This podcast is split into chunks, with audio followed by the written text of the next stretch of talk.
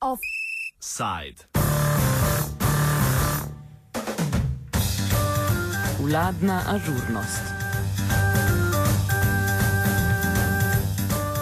Združba osmih slovenskih sindikatov je 30. augusta na vlado poslala dokument z imenom Nova pogodba med delom in kapitalom za izhod iz krize, ki zajema 55 predlogov za povečanje blaginje prebivalstva in zeleno gospodarsko rast. Isti dokument je bil javnosti predstavljen 4. septembra, na najnovejši novinarski konferenci pa so predstavniki sindikatov ponovno povdarili, da je vlada sicer že na začetku predala dokument posameznim ministrstvom, vendar se še vedno ni opredelila do njihovih predlogov. Več nam je povedal Goran Lukič iz Zveze svobodnih sindikatov Slovenije.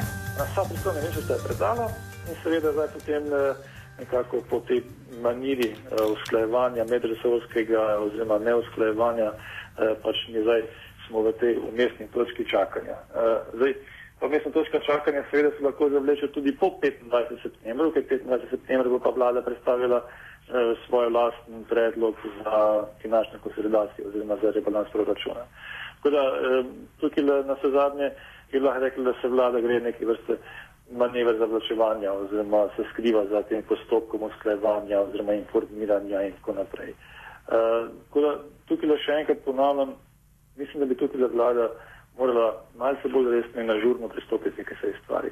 Ker če je ona nas pozvala, torej ne sem se nekaj delodajalce k temu, da izpolnimo svoje zaveze, nismo ga izpolnili, to svoje zaveze in sedaj v bistvu smo nekako kako bi recimo rekel, zamrznjeni v tem položaju, češ, ja, zdaj pa čakamo na samo vlado, eh, kaj bo pač naredila. Tukaj v tej točki, kaj bo naredila vlada, moramo pa še eno stvar izpostaviti. Včeraj se na spletni strani od vlade pojavil en zelo čuden dokument, ki ima zelo dolg naslov, eh, enoten dokument za pospeševanje konkurenčnosti in tako naprej. Pod ta dokument je sicer odgovorno osebo podpisana, mislim, da je dr. Virant in eh, ministr za gospodarstvo Stetišnik. In notri najdemo recimo tudi predloge ukrepov, kot je ponovno odprtje reforme trga dela, uvedba socialne kapice in tako naprej. In zdaj, če, če sem tukaj da malce uh, banaliziram, ali pa tudi ne, če je to odgovor torej vlade oziroma ne vem, kot, kot predlog, ki, je, ki bo na mizi vlade, na naše zahteve, potem je to že skoraj žaljivo.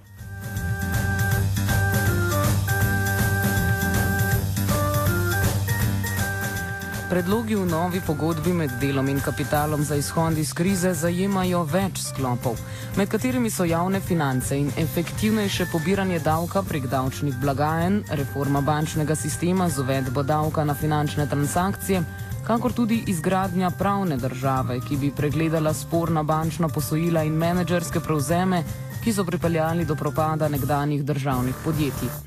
Prav tako se med predlogi nahajajo možne reforme dela, vzpostavitev novega socialnega dialoga in ohranitev ter efektivizacija socialne države, kakor tudi javnega zdravstva.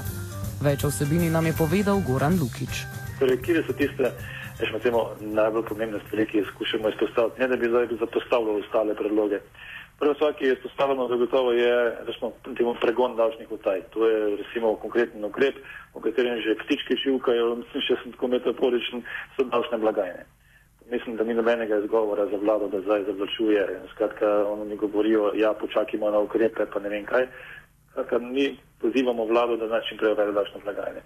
E, druga stvar je zagotovo tista, ki se tiče bančnega sistema, ki je zdaj zelo, kako bi rekel, uh, socializiran z javnim denarjem. Uh, kaj torej v tem primeru? V tem primeru predlagamo torej, uh, prvič, da se konkretno določi oziroma po, nekako ugotovi odgovornost tistih oseb, ki so uh, doprinesli k temu, da so se slabi krediti sploh podeljevali in pa revizija vseh odkupov menedžerskih, ki so se dogajali. Zdaj, če sam timo pogledamo številke, v zadnji čas je bilo recimo potrjeno strani uh, agencije za trgovanje z vrednostnimi papiri blizu 200 takšnih menedžerskih odkupov oziroma soglasi.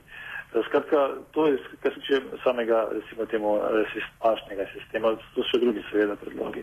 Uh, on je pa še tukaj zelo pomembna stvar, kar se tiče, uh, recimo, uh, trga dela. Na trgu dela smo podali med drugim tudi recimo predlog, da se nekako obdavči razliko, ki se pojavlja v cenah dela pri posameznih recimo pogodbah oziroma oblikah dela. Recimo si vemo avtorska pogodba, kakšna obremenitev, primerjave z redno zaposlitvijo in tako naprej. In delodajalci to na zelo veliko izkoriščajo, ker je za njih to seveda nižji strošek dela. Uh, potem naprej, ena stvar, ki je zelo v Sloveniji pomembna, pa nažalost prevelika malo učinkovite črpanje EU sredstev. Do konca letošnjega leta mora Slovenija počrpati skoraj 900 milijonov evrov. In tukaj je ena nujna stvar, še posebej zdaj, ko vsi govorijo o rezanju pa o proračunski eh, novem rebalansu proračuna, da se naj tukaj zadraga karkoli naredi, da bo se ta postopek črpanja pospešil.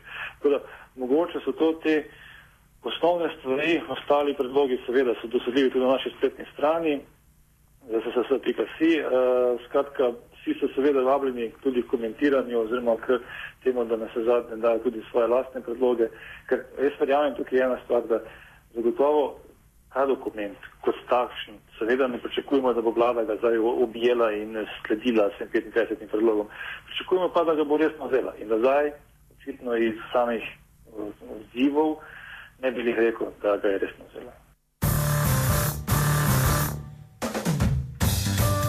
Svoje poglede na dokument nam je podal tudi ekonomist Bogomir Kovač.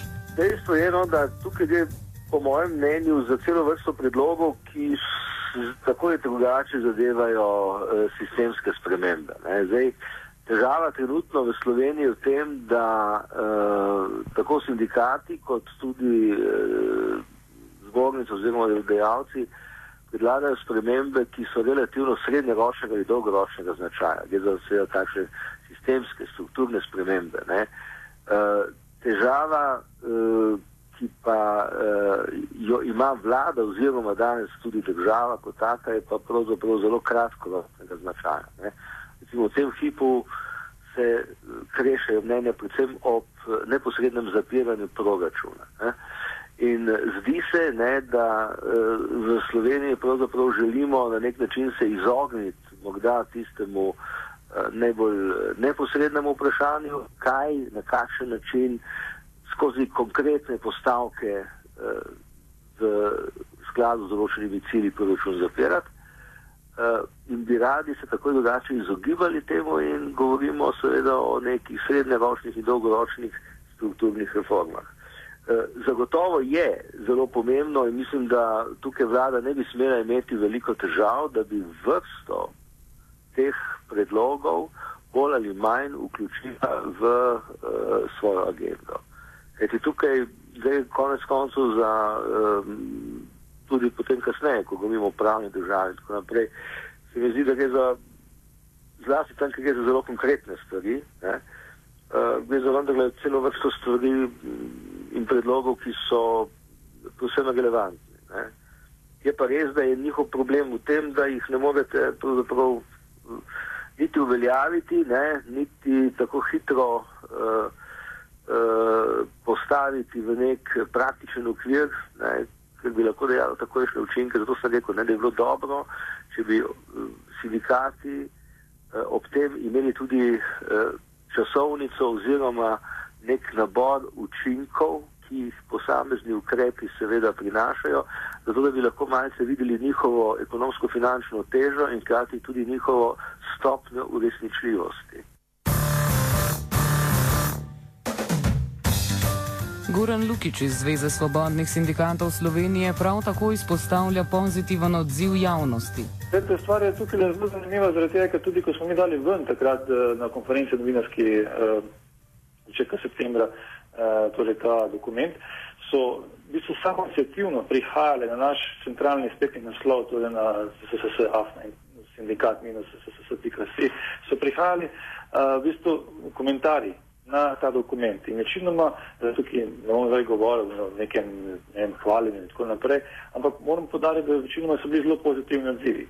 Uh, tukaj le absolutno uh, na tem mestu bi tudi pozval zainteresirano javnost, da na vse zadnje tudi doprinese k uh, ne samo širitvi tega uh, dokumenta, ampak tudi dopolnjevanju z različnimi predlogi.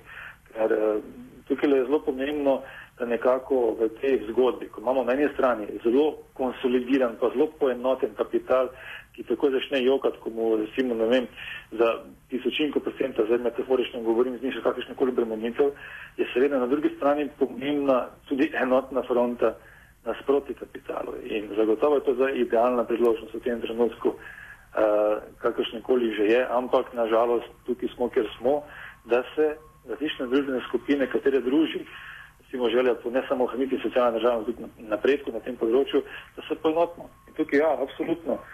Na, zakaj pa ne? Tudi bi dal poziv ostalim družbenim skupinam, ki, katere nas združi ta skupni cilj, da se pridružijo temu boju.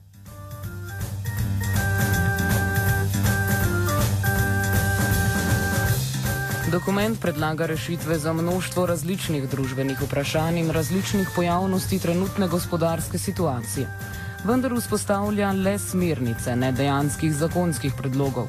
Glede dejanske implementacije bo potrebno počakati na odgovor vlade in njen načrt.